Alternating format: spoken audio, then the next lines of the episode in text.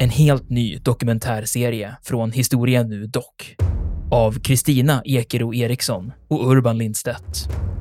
Det här är Vikingen i världen. Vikingarna, de var inte något främmande folk. Sannolikt är det ett slags tempel, ett kulthus helt enkelt. Enligt legenden så är rykiderna skandinaver. Från skeppet och bränslet och slavinnan och hennes herre hade blivit till aska. Du hör dokumentären på historia.nu eller där poddar finns. Utan det tycks ha grundats en stor, redan från början mycket stor boplats, cirka 100 före Kristus. Och det är alltså när Caesar föds. Det är alltså eh, några generationer före Jesus, alltså riktigt, riktigt gammalt, förromersk järnålder. Och sen tycks den ha levt kvar som en stor stad fram till början av 1000-talet efter Kristus. Det var alltså en kontinuitet på över 1100 år och det är unikt och enastående för nordisk järnålder.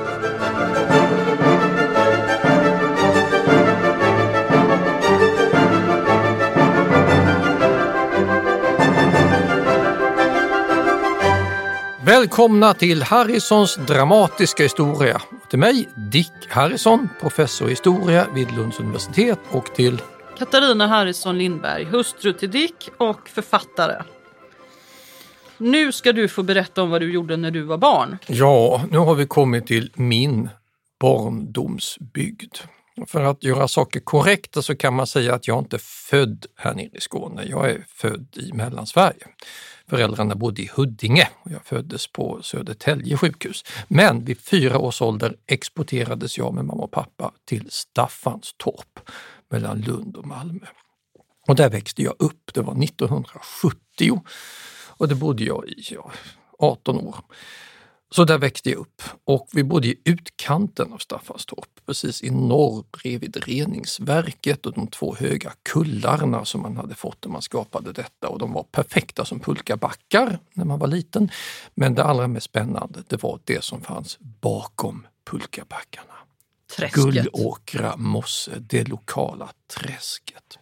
Idag är det här uppstyckat med massa taggtråd, cykelvägar, motionsslingor och all magi är totalt dödad av kommunen. Ja, vi har ju gått där och Ja, det är det- vackert men det är helt oromantiskt Precis. och ofarligt och tillrättalagt. Men på 70-talet var det här Döda träsken utanför Mordor.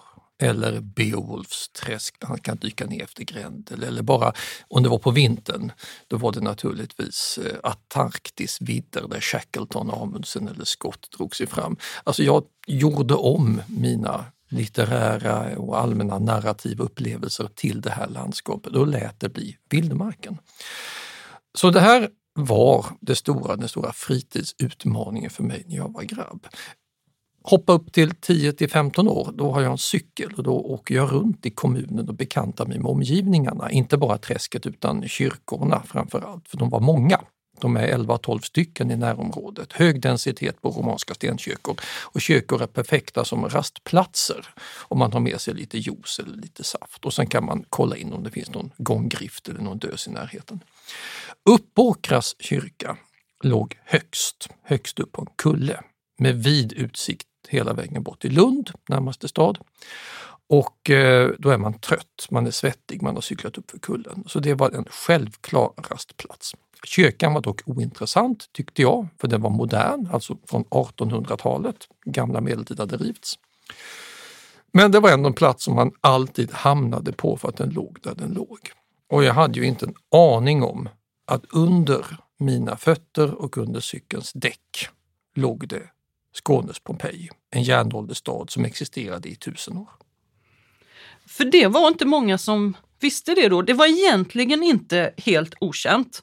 För att 1934 så skulle man uppföra en tillbyggnad på en gård som hette Prästlönebostället alldeles söder om kyrkan. Det ligger flera gårdar där kan man säga. Och den här platsen, det var uppenbart att det är arkeologiskt intressant för det, man skulle bygga den här gårdsbyggnaden mellan två gamla gravhögar som kallas Storehög och Lillehög. Men det var ingen som visste vad som fanns under marken. Så när man började gräva där för att göra grundmurar så upptäckte man att det, jorden såg märklig ut. Det var konstiga färgskiftningar i jorden. och så hittade man gamla krukskärvor. Lunds universitet ligger inte långt borta så att det kom arkeologer därifrån. Bland annat en som hette Bror Magnus Vifot. Så han ställde sig i spetsen för de här preliminära undersökningarna då, mellan gravhögarna. Och då hittade man ännu mer skärvor och blev naturligtvis ännu mer intresserade. Och det visar sig att det här, det är alltså de här kulturlagren, alltså rester av mänsklig verksamhet, framförallt avfall som har lagrats på varandra, där skärvorna låg.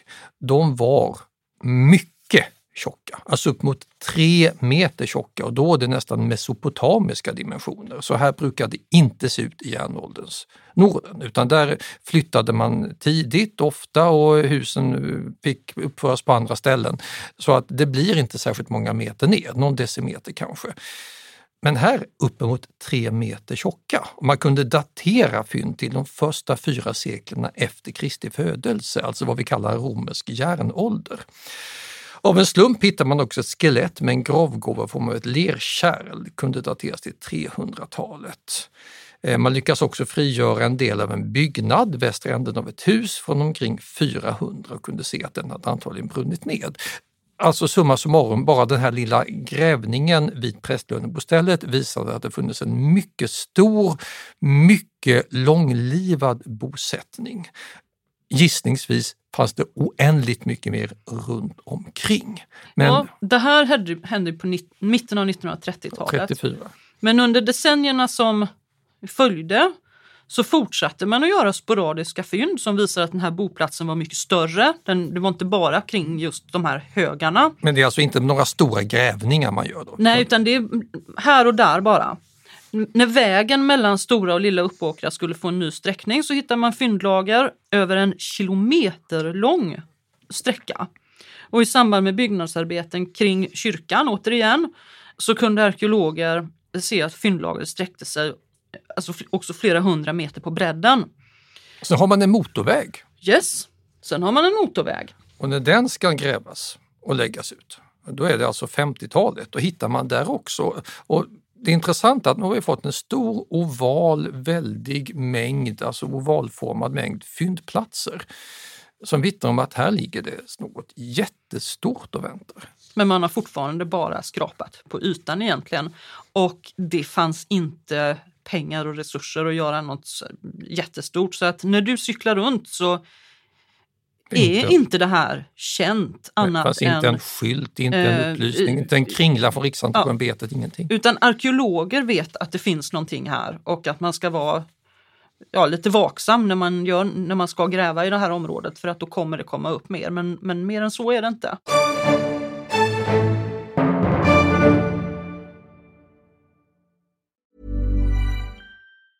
Mom deserves the best and there's no better place to shop for Mother's Day than Whole Foods Market. They're your destination for unbeatable savings, from premium gifts to show-stopping flowers and irresistible desserts. Start by saving 33% with Prime on all body care and candles. Then get a 15-stem bunch of tulips for just $9.99 each with Prime. Round out Mom's menu with festive rosé, irresistible berry chantilly cake, and more special treats. Come celebrate Mother's Day at Whole Foods Market. Burrow is a furniture company known for timeless design and thoughtful construction and free shipping, and that extends to their outdoor collection.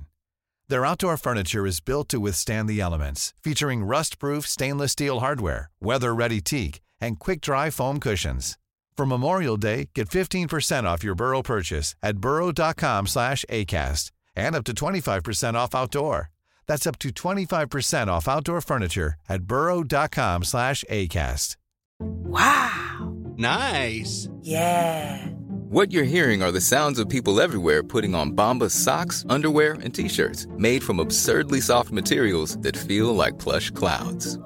Yeah, that plush. And the best part? For every item you purchase, Bombas donates another to someone facing homelessness. Bombas. Big comfort for everyone. Go to bombas.com slash ACAST and use code ACAST for 20% off your first purchase. That's bombas.com slash ACAST. Code ACAST.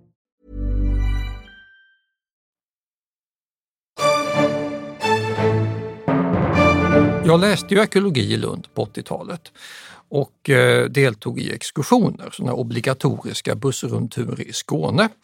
Och då är Uppåkra hållplats 1. Och jag glömmer aldrig hur färdledaren bittert konstaterade hur mycket de höga vederbörande hade valt att inte ta reda på. Trots att envar med blotta ögat kan se att jorden här är ovanligt svart. Man vet att det är hög fosfathalt. Man har gjort de här grävningarna på 30-talet. Här ligger det en jätteplats som väntar på att grävas ut. Kom ihåg det. Det här var alltså den officiella hemligheten på institutionen. Dessutom så hade vi våra föreläsningar inne i järnålderssalen i Lunds universitets historiska museum där man kunde se föremålsfynd från 30-talets utgrävningar. Alltså sländtrissor, vävtyngder, knivar, saxar, kvarnstenar, dräktsmycken och så vidare. Då.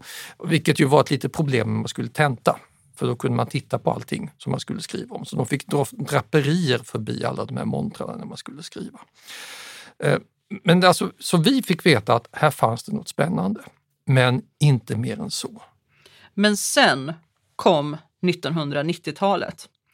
Och då, då hade man haft en del stora forskningsprojekt om dansk och mellansvensk forntid och det blev helt plötsligt ekonomiskt möjligt att göra Eh, mer ambitiösa undersökningar även i Sydsverige. Eh, så 1996 så började man gräva Först inte så mycket, men ändå. Och eh, då var man egentligen intresserad av hela Skåne, Blekinge och södra Halland. Men ganska snart så insåg man väl att om vi lägger fokus på Uppåkra så, så kommer vi faktiskt kunna göra, göra en stor insats där. Så att det här stora projektet, samhällsstrukturen under järnåldern i Sydsverige, det omvandlades och blev Uppåkra-projektet. Och då hände det ju grejer och eh, det här kan du bra för du har händelsevis skrivit en bok om Uppåkra. Ja, jag har sällan blivit så glad och stolt som när jag blev uppringd av Bonnierförlagen och tillfrågad om jag kunde tänka mig skriva en bok om det här, för det här är ju min hembygd. Att skriva den stora bok som jag hade velat ha när jag var liten och cyklade runt. Nu fick jag frågan om jag ville göra det här. Alltså jag fick nästan gåshud när jag insåg att jag fick chansen att sätta tänderna i det och ta reda på allt arkeologer visste. Allt som man hade grävt fram och dessutom försöka lägga pussel med skriftliga källor. Det jag hade velat veta när jag var liten påg, det fick jag nu skriva själv. Alltså hur ofta får en författare lov att göra det? Så jag prisade Riksbankens jubileumsfond som hade satt till när grävningarna startade och sen eh, så kontaktade jag arkeologer som jag lärt känna, mejlade runt gamla grävningsledare från när jag pluggade. Och alla var kolossalt vänliga. Och eh, sen så gick jag igenom forskningsrapporter från 90-talet och framåt. Eh, sånt som jag aldrig hade hittat på egen hand men som fanns här och var på nätet eller som jag kunde låna. Så vad man kunde hitta då, vad jag fann, det var att husen de hade legat på den ovala ytan, ungefär 1100 meter, alltså 1,1 kilometer i nord-sydlig riktning, 600 i öst-västlig, uppe på en höjd. Nu säger inte det mycket när jag säger 34 meter över havet, men det är Skåne vi snackar om, det är Lundaslätten och då är det här jag, högt. Om jag får sticka in här en liten kortis. Om man reser mellan Lund och Malmö på motorvägen så passerar man ju Uppåkra Ja, det ligger precis bredvid. Ja, så det och går inte att missa. Det är väldigt uppenbart för alla som åker på den här flacka Sveriges vägen. äldsta motorväg. Att det, det är en höjd. Det, det, kyrkan syns från, från motorvägen och det sluttar ganska drastiskt uppför ändå. Så det är tydligt att det är en kulle. Mm. Och de här fynden man då hittade, de sträckte sig betydligt längre tillbaka i tiden än de här 200-300-åriga efter Kristus fynden man hade gjort innan. Utan det tycks ha grundats en stor, redan från början mycket stor boplats, cirka 100 före Kristus. Och det är alltså när Caesar föds. Det är alltså eh, några generationer före Jesus, alltså riktigt, riktigt gammalt, förromersk järnålder. Och sen tycks den ha levt kvar som en stor stad fram till början av 1000-talet efter Kristus. Det var alltså en kontinuitet på över 1100 år och det är unikt och enastående för nordisk järnålder. Till de mest ögon, ögonfallande fynden hörde att man hittade ett tempel, alltså ett hednatempel eller förkristet kulthus som man ska kalla det idag. En stor hövdingahall som man håller på att gräva ut just nu i grunden. Stora väldiga vapenoffer alltså offer av besegrade fienders vapen. Praktfulla reliefspännen, guldbrakteater, alltså hängsmycken, guldgubbar, alltså små eh, guppliknande gubbliknande plaketter, fingerringar, en stor praktbägare, en lyxig glasskål som tycks ha tillverkats i dagens Ukraina, en Odenstatyett som är alltså avbildat den enögde asen, har till och med hittat en, eh, ett litet spänne föreställande Musse Pigg. Eller ett lejon som idag ser ut som Musse Pigg. Det här vållade sensation även i Kalifornien när man grävde fram det på 90-talet. Inalles över 35 000 fynd. Och då ska man tänka att mindre än 1 procent av området har grävts ut. Så det är alltså mer än 99 procent som återstår att gräva ut nu. det betyder att om man fortsätter att gräva här så får man skriva en ny bok? Ja, förhoppningsvis, men det här kommer man att gräva i generationer. Alltså säga att arkeologer jobbade varje dag i hundra år, de kommer inte vara färdiga. För så stor är den här fyndplatsen. Intressantaste fyndet är ju då kulthuset, templet. Och där vill jag gärna höra expertens åsikt. Du kan nordisk mytologi och religion. Vad kan man ha ägnat sig åt där? Ja, religiös verksamhet. Det roliga är, du säger att jag är expert här men... Ja, men du har skrivit en bok om nordisk mytologi och nordisk religion och nordiska gudasagor och nordiska hjältesagor. Det här kan du. Så mm. vad gör man i ett hedniskt tempel? Vi vet inte. Vilken gudom har man tillbett där? Och det vet vi egentligen inte heller. Nej, men jag skrev boken frågade jag dig och du hade väldigt bra hypoteser i alla fall. Ja, nu har man ju hittat eh, den här statyetten, Odenstatyetten. Så att man har ju uppenbarligen känt till Oden i Uppåkra. Men man har också hittat lämningar efter Tor. Man har hittat kristna lämningar också. Ja, det stämmer. Jag vet att du snackat Så, om Tyr. Ja, jag vet att jag har nämnt Tyr, men sanningen är den att ingenting här är hugget i sten. Vi vet inte till hundra procent vilka gudomligheter man har vördat. Om man tänker sig att det hade varit en mindre plats eh, någonstans, då är det ju troligt att man bara hade kanske haft en typ av kult. Men det här är jättestort, det är massor med människor som har mötts här, så det finns väl ingenting som säger att man inte kan ha vördat flera olika.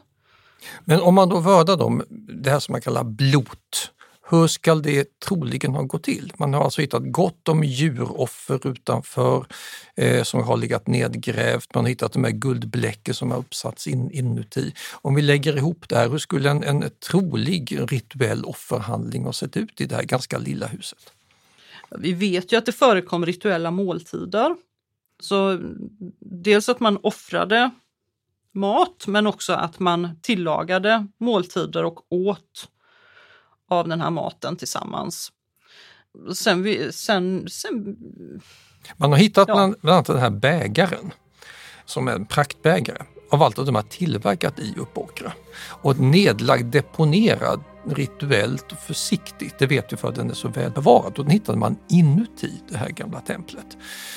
Och där spekulerar jag att det kan antingen ha varit någon sorts bägare som härskarinnan i huset går och lämnar över som välkomstgåva i samband med ett pilot. Att man får dricka henne till. Sådana här kvinnor som går med horn och bägare finns avbildade. Men det kan också ha rört sig om någon sorts alltså försöka att apa efter den kristna nattvarden. Att man har det som någon viktig kalk inom ramen för ceremonin. Men var bägaren begravd? Den, liksom den här glasskålen, var alltså deponerad inuti templet. Och det gör man ju inte av en slump. Det gör man ju av något skäl.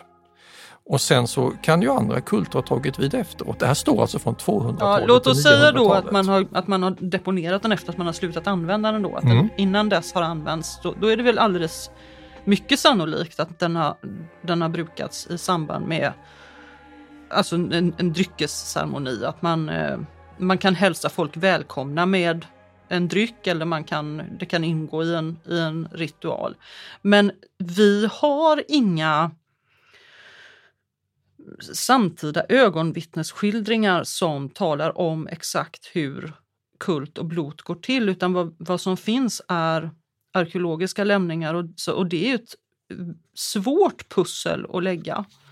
Men en sak vet vi och det är ju att kulten där var centraliserad från ett omland. För Uppåkras kult var inte först på plan. Den här mossen jag gick omkring på, Just jag var det. liten. Gullåkra mosse, där har man hittat offerfynd som är äldre än Uppåkra, som har deponerats där. Alltså även en bronslur från bronsåldern, de här stora kända bronslurarna, en av få som hittats i Sverige, har man hittat där, liksom en sån här keltisk järnhalsring. Så, och där har alltså varit en offermosse, lite kommunalt, lite alla i bygden använder den. Och sen när Uppåkra dyker upp, växer fram, så tycks ju det här kulthuset, åtminstone sett ur hövdingens perspektiv, ha tagit över. Alltså överglänst den här gamla platsen. Så någon sorts övergång till någon sorts centraliserat styrelseskick med någon prästerliga andliga funktioner måste man väl ändå kunna förutsätta. Det kan man nog förutsätta. Mm. Och då kan man också tänka sig att, precis som du sa, att det kanske inte är en enda gud utan man byter asagudar, religionen utvecklas. Ja, med tanke på att det så, för det ska man också veta att det här templet, det är ingenting som bara står i 40 år eller någonting, utan det har funnits i hundratals år och det har byggts om och byggts, byggts upp igen om det har skadats. Så att det är en väldigt lång kontinuitet där man har fortsatt att använda den här heliga byggnaden och att man under hela den tiden alltid har gjort samma saker, det kanske inte är så troligt. Ja, men byggnaden i sig måste ju haft ett Ja. enormt ideologiskt värde eftersom man ända fram till kristnandet ser till att ha det kvar, bygga om det. Alltså, föreställ de sista generationerna som var där. Den här, det måste ju ha varit en fast beståndsdel i landskapet att bara se det här templet. Ja, Och de sista generationerna, då, då är ju människor väl medvetna om kristendomen. Och, så det finns ju ingenting som säger att inte även detta har liksom sipprat in i det här trossystemet. Eftersom det är en jättestad och det måste komma människor dit hela tiden och man reser därifrån och man möter antagligen personer som har helt andra trosuppfattningar än vad man själv har. Mm. Nu är det här kulthuset eller templet förvånansvärt väl utgrävt. Det är den enda biten i Uppåkra som är riktigt färdigutgrävt. Hallen bredvid, alltså kungahallen eller hövdingehallen, den håller man på att gräva ut nu. Och kanske ligger en del av svaren på de här frågorna och väntar på arkeologernas spadar. Det kan de mycket väl göra. Och vi ska säga en sak till. Om man nu tänker att man skulle vilja se någonting av detta. Antingen så åker man till Historiska museet i Lund, för där finns en hel del av utgrävningens ja, saker finns, finns utställda där. Eller så åker man faktiskt till Uppåkra där det också finns, dels har man byggt upp en liten variant av det här templet som man tänker sig hur det skulle kunna ha sett ut. En lekstuga. Ja, det är som en, en storlek, stor lekstuga, men det går att gå in i det. Och, så det är inte fullskaligt alls, utan det är en mindre version.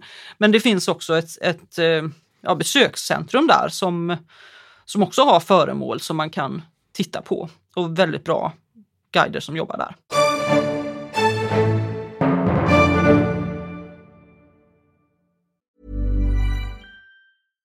Mom deserves the best, and there's no better place to shop for Mother's Day than Whole Foods Market. They're your destination for unbeatable savings, from premium gifts to show-stopping flowers and irresistible desserts. Start by saving 33% with Prime on all body care and candles. Then get a 15-stem bunch of tulips for just $9.99 each with Prime. Round out Mom's menu with festive rosé, irresistible berry chantilly cake, and more special treats. Come celebrate Mother's Day at Whole Foods Market. Burrow is a furniture company known for timeless design and thoughtful construction and free shipping, and that extends to their outdoor collection.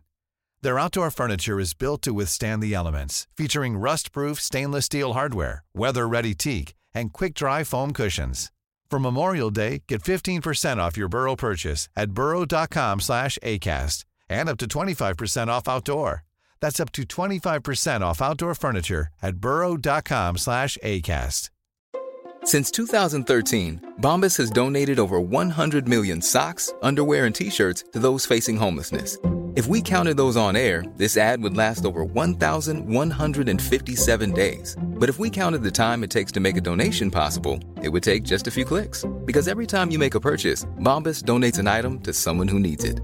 Go to bombas.com slash ACAST and use code ACAST for 20% off your first purchase. That's bombas.com slash ACAST, code ACAST.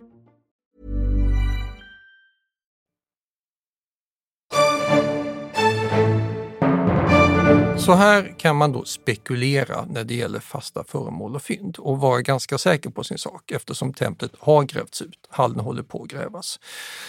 Stora frågan är ju, vilka var det som bodde där?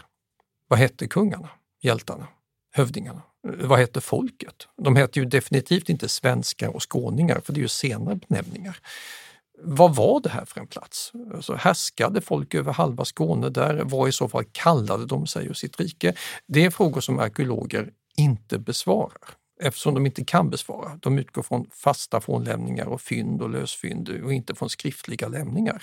Men det är frågor som jag när jag skrev boken automatiskt var tvungen att ställa till mig. Ja, och jag tycker att du för ett fantastiskt bra och övertygande resonemang i boken. För jag gör ju då som en historiker. Jag Ja. tittar efter skriftliga källor och då blir man till en början väldigt skeptisk för det finns ju ingen krönika om Uppåkerriket. Vi vet inte ens vad platsen hette. Det finns ingen historiebok som berättar om Skåne före Danmarks skapelse. Vad vi har det är sporadiska omnämnanden om vad som händer i norr från folk ner på kontinenten, Paulus Diakonus, Gregorius av Tours och sådana och det är väldigt sporadiskt. Och så har vi alla de här gamla sagorna, alltså Völsungasagan, Widsith, Beowulfkvädet och så vidare. Och det normala som historiker brukar göra då, det är att säga nej tack till allt det här. För det är ju sagor, det är ren självskärning. Och det är sagor. Ja, precis. Men om man borrar sig ner i de här sagorna så finner man att de innehåller nästan alltid bipersoner, bihandlingar, historiska scenarier som kan beläggas ganska lätt. Ta till exempel alltså, Wagners Brunhilde.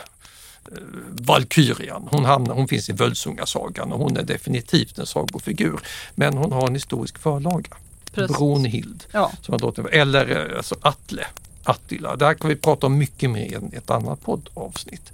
Hugeleik i Ynglingasagan, han går tillbaka på en som heter Higelak och Lochelike. Och det, finns, det finns tre eller fyra av varandra oberoende källor eller sagor som berättar om samma historiska scenario. Då finns det mycket som talar för att det här faktiskt går tillbaka på något som har hänt. Sen har man stöpt om det och fiktionaliserat det. Men att en person som Attila har funnits, eller Hugleik, eller Brunhild, finns det inga skäl att betvivla. Nej. Alltså, vad händer då om man går in i de här sagorna, rensar och letar efter historiska scenarier och namn som går igen i mer än en saga och som kan på något sätt fokuseras in på Öresundsområdet. Hittar vi då scenarier som kan ha med Uppåkra? Det är det jag försöker leta efter. Och till exempel hittar jag då en gammal fånengelsk dikt som heter Widsith. Och den vet vi inte riktigt när den tillkom. Man har bråkat om ifall det är på 500-talet eller 900-talet eller 700-talet. Ingen vet riktigt. Men det är en uppräkning av folkslag och kungar som man kan åka runt och titta på. Det är den vittberestes sång. Och det nämns två av danernas härskare, Rothulf och Rothgar. Och Ingeld, kung över deras värsta fiender, Hilobards, Hadubaderna. Daner, Hadubader krigar mot varandra, släktfejd. Rodulf och Rothka krigar mot Ingeld. Fejden skall bland annat ägt rum vid hallen Heroth, hjorten, som man då annars brukar förknippa med sköldungarnas säte Laire på Själland. Här nämns också första gången någonsin i litteraturen ordet vikingar. Vikingakin och det är då hadubarderna. Hadubarderna har inte överlevt som etnisk grupp. Alltså det är en, ett av de här tidigmedeltida folken som försvinner. Men man brukar ofta säga att de troligen är länkade till langobarderna som är ett folk som vi vet hamnade i Italien. Langobarderna utvandrade från Nordeuropa och lämnade kvar ett folk uppe i norr. Det hävdade de själva. Hadubarder, langobarder. Så frågan är då, var någonstans finns de? Det enda vi vet utifrån Widsith det är att de ligger i fejd med folk på Själland. Och källbristen till trots så kan vi faktiskt vara övertygade om att Ingeld är en historisk gestalt. Hans, han och hans adelbader har funnits. Ja, precis. För Widsith är inte den enda källan till, till Ingeld. Han nämns på andra ställen också. Han nämns i förbigående i Beowulfskvädet. Vi kommer återkomma till Beowulf senare. Och där så förklaras konflikten mellan danerna och hardubarderna på, ja, men på, på samma sätt som i ett annat kväde, i Finnsborgskvädet. Så att det här... Man, Där är det eh, Danor och Friser som Ja. brukar. Ja. man kan eh, liksom lägga pussel på det här sättet. Och ehm, Ja, de ligger i fejd. Man Ja. söker lösa det genom ett äktenskap. ja, Hardubarkungen Froda, eller Frode, han eh, har dödats och då så sänder Danakungen Rotgar sin dotter Frevaru som hustru till dennes son och efterträdare Ingeld. I förhoppning om att det ska avsluta kriget. Till en början så fungerar det, men eh, eh, så småningom så skiljer sig Ingeld från Frevaru och då bryter den här fejden ut igen. Är det inte så att någon stor stark bjässe vid Ingelshov skäller ut honom? Ska du inte hämnas din far och kasta Jo, hem den där? Det här är historien om Starkad. Det här är min nästa bok. Jag håller precis på att avsluta en bok som kommer heta Nordiska hjältesagor. Och eh, i den historien där förekommer berättelsen om Freavaru, Frode, Ingeld och Starkad som i berättelsen äggar Ingeld att kasta ut sköldungarna som har kommit in i hans hall och göra sig av med, med hustrun Freavaru, skicka tillbaka henne. Och Och det, det är Saxo Grammaticus. Ja, då är det. Saxo som skriver på 1100-talet. Då har vi alltså Saxo, vi har Beowulfkvädet, We are with this. Det är tre stycken källor. Men vi vet ju att det har funnits ännu mer om Ingeld och som då inte har levt vidare men som vi känner till eftersom det nämns i förbigående i brev. Ja, du brukar komma med ett jätteroligt exempel faktiskt. Ja, Karl den store som vi hade i förra Ja. podden, han hade en kyrkominister skulle vi säga idag, eller pedagogikexpert som hette Alcuin av York från norra England.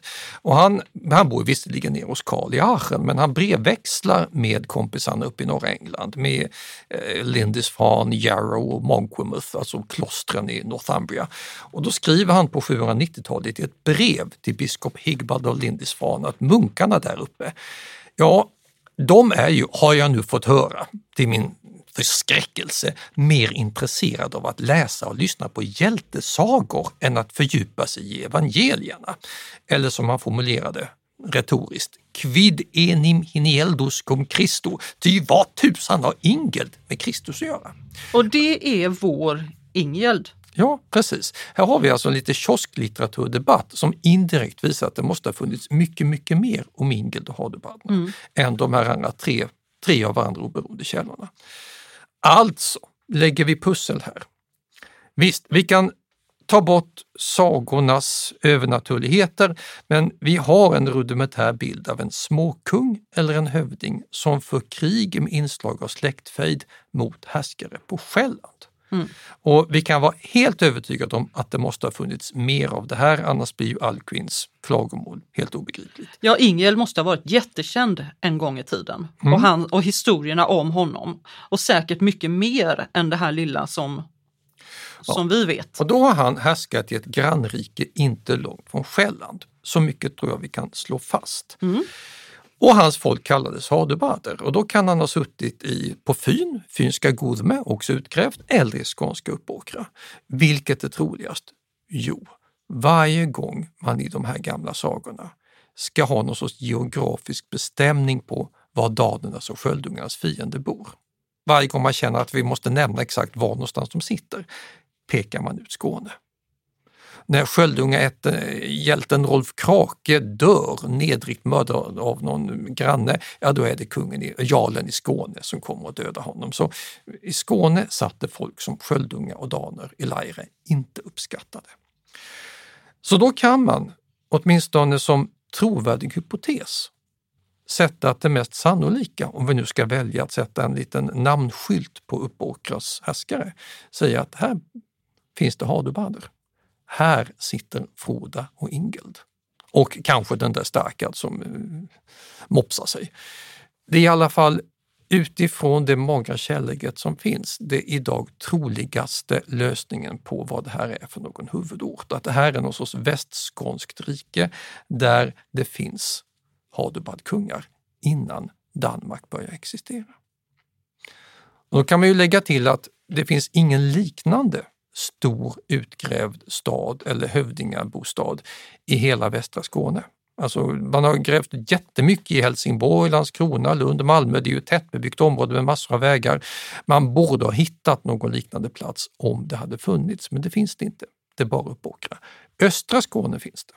Alltså på andra sidan Lindrödsåsen. Du har på Österlen, Albo härad, uppe vid Kristianstadsslätten, Vä, Fjälkinge. Där finns det. Men hela västra Skåne tycks då ha haft en enda stor centralort, Uppåkra, boplatsen, med gissningsvis de här Hadubadkungarna. Och lägg sen till det här alltså, långsiktiga diakrona perspektivet. Det är 1100 år av maktutövning med ett tempel som man bygger om och bygger om och renoverar i cirka 800-900 år. Då blev det hisnande. Vi har hittat ett skånskt kungarike med Hadubader. Det är faktiskt hisnande, det får man väl ändå säga. Men ja, hur gick det under? Det allting har ett slut. Och eh, jag ska gå till en isländsk saga här. Ja just det, vi har ju kanske, kanske en vittnesuppgift, åtminstone en sagoberättelse av hur man bränner ner det här stället. Ja, vi ska se. Egil Skallagrimssons saga det är en av de kändaste isländska sagorna. Där berättas det att hjälten vid ett tillfälle plundrade Lund. Under en färd genom Öresund ska Egil och hans kamrater, däribland en, namn som, en man som hette Ake, ha angripit staden Lund som uppges ha legat en bit in i landet. Så här står det. Och Det kan vara Snorre Sturlason som har skrivit det här själv. Ja. Kanske. Ja. Inte samtida alltså. Nej. Utan i efterhand.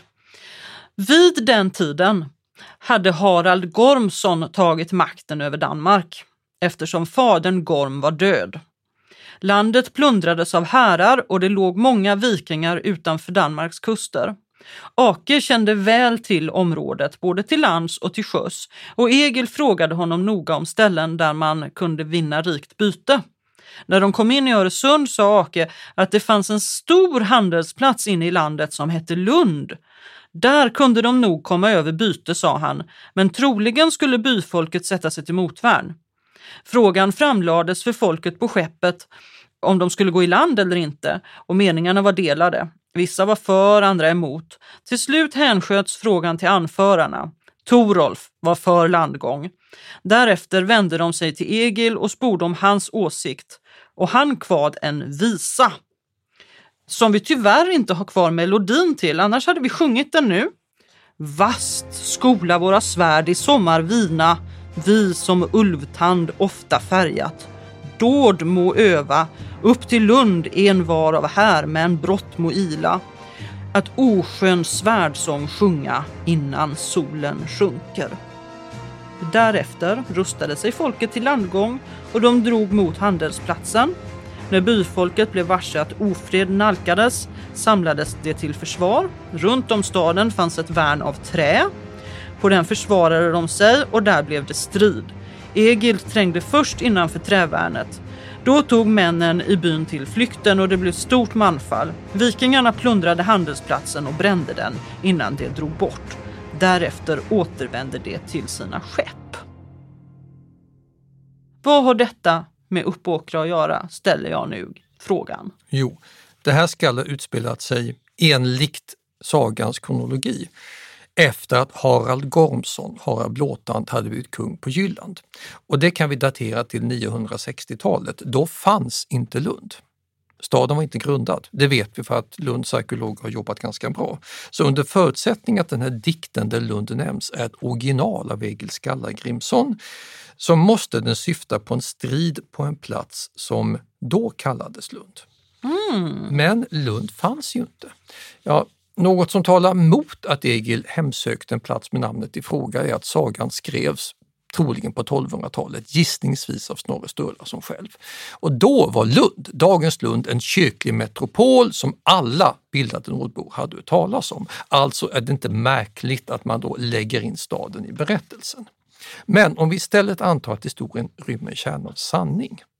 Ja, Egil var en legendarisk poet. Han var känd, mm. ryktbar. Snorre Sturlason var själv ingift i hans familj.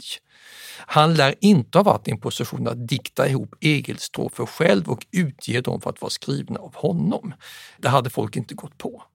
Utan om vi utgår från att det här faktiskt är en äkta dikt, då måste det ha funnits en stad, ett Lund före Lund, en annan plats med samma namn. Och detta är inte en ovanlig situation. Vi kan ta Uppsala som exempel. Uppsala, dagens Uppsala hette för Östra Aros men fick överta Gamla Uppsalas namn, det blev ärkebiskopssäte på 1200-talet.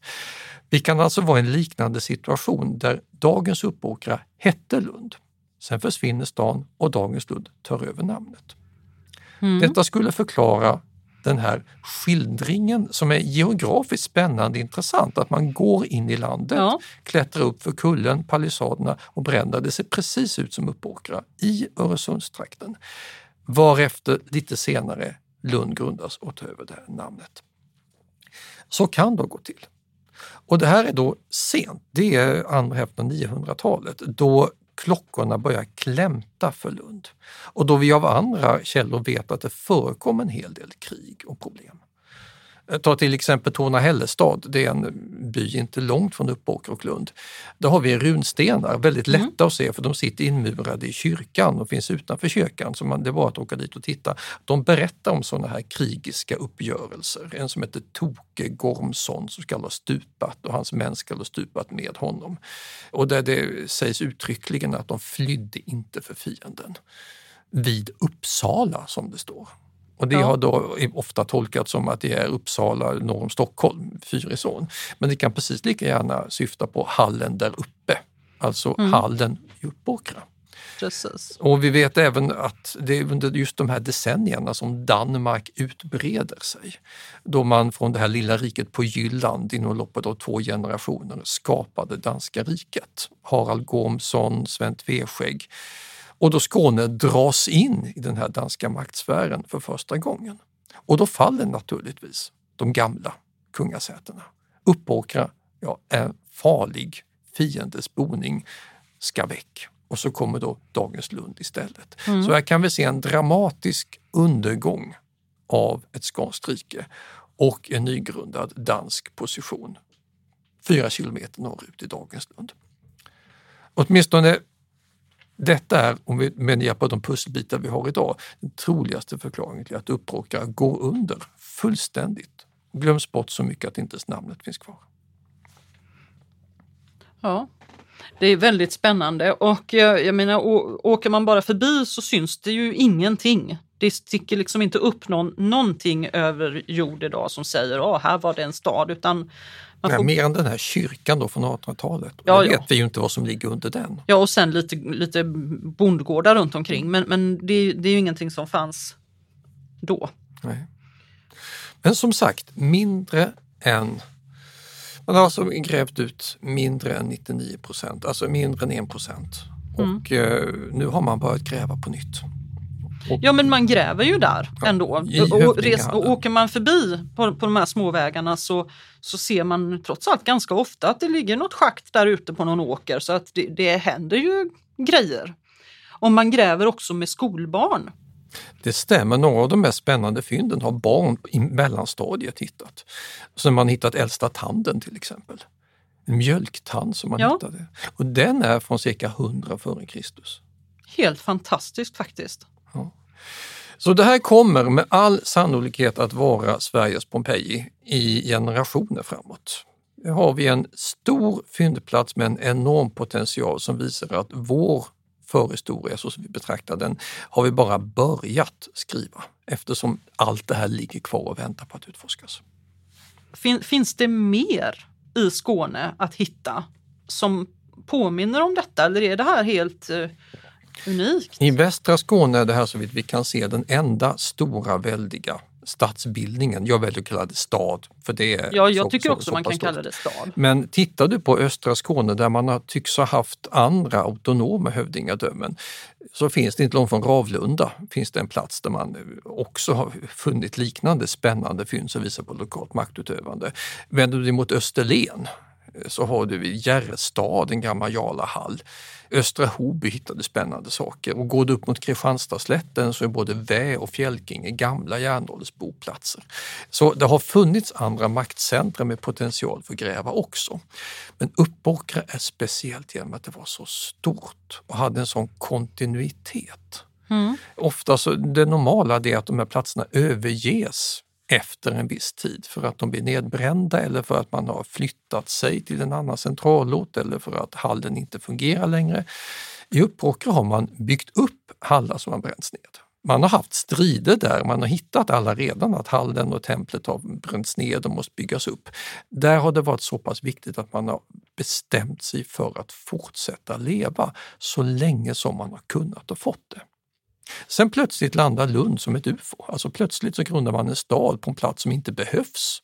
Inte långt därifrån skapar en stadsplan med geometriska gator, en rak lång gata i mitten. Så gör inte vanligt folk, så gör kungar när de vill bestämma. Mm. Så här har vi en, en maktkamp där Uppåkra förlorar och sen sover en Törnrosasömn från 1000-talet ända fram till Bror Magnus Wifots utgrävningar på 30-talet. Ja, det är spännande. Och som sagt var, vill man nu veta mer om Uppåkra, vilket jag tror att alla vill, då kan man köpa din bok. Man kan åka till Uppåkra, på, till det här arkeologiska centret som ligger där. Eller faktiskt till Lund och gå på Historiska museet som är ett jättefint litet historiskt museum som är ja, som jag verkligen kan rekommendera. Mm. Och man kan glädja sig med att varje gång, varje år man orienterar sig i Uppåkra-frågor så kan man vara helt förvissad om att man vet mer än föregående år. För det här är verkligen pågående forskning med nya rön kontinuerligt. Ja, väldigt häftigt.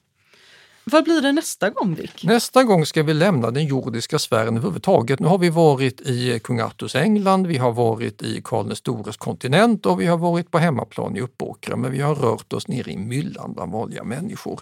Nu lämnar vi dem och flyger upp i himlen och tar kontakt med de övernaturliga hjälpare som man började massproducera under tidig medeltid. En av de stora innovationerna från de här seklerna. Helgonen. Helgon? Helgon som inte nämns i Bibeln. Inget evangelium nämner helgon, men folk började älska de här övernaturliga hjälparna, ta dem till sig, utforma dem som ideal under just den här tidig medeltida Avslöja inte allt nu. Det kommer. Det kommer i, i nästa poddavsnitt. Så tack för idag.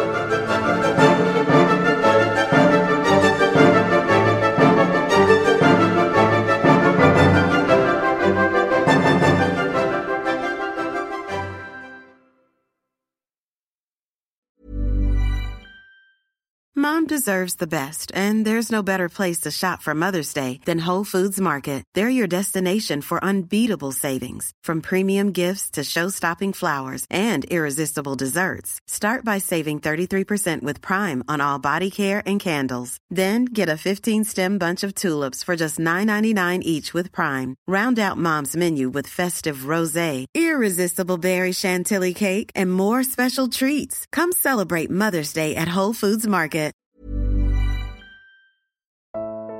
Iran har under 1900-talet genomgått tre omvälvande revolutioner som orienterat landet antingen mot västerlandets modell eller mot en auktoritär styrelseform. Idag pågår en social revolution i landet som vänder sig mot det islamistiska styret och vars anhängare har Europa och väst som förebilder. I en viktig bok ger idéhistorikern Mohammad Faslashemi en djupare förståelse för dagens dramatiska händelseutveckling. Iran mellan tre revolutioner är utgiven av förlaget Historiska Media. Beställ den fysiska boken på förlagets hemsida historiskamedia.se eller köp den i en bokhandel nära dig.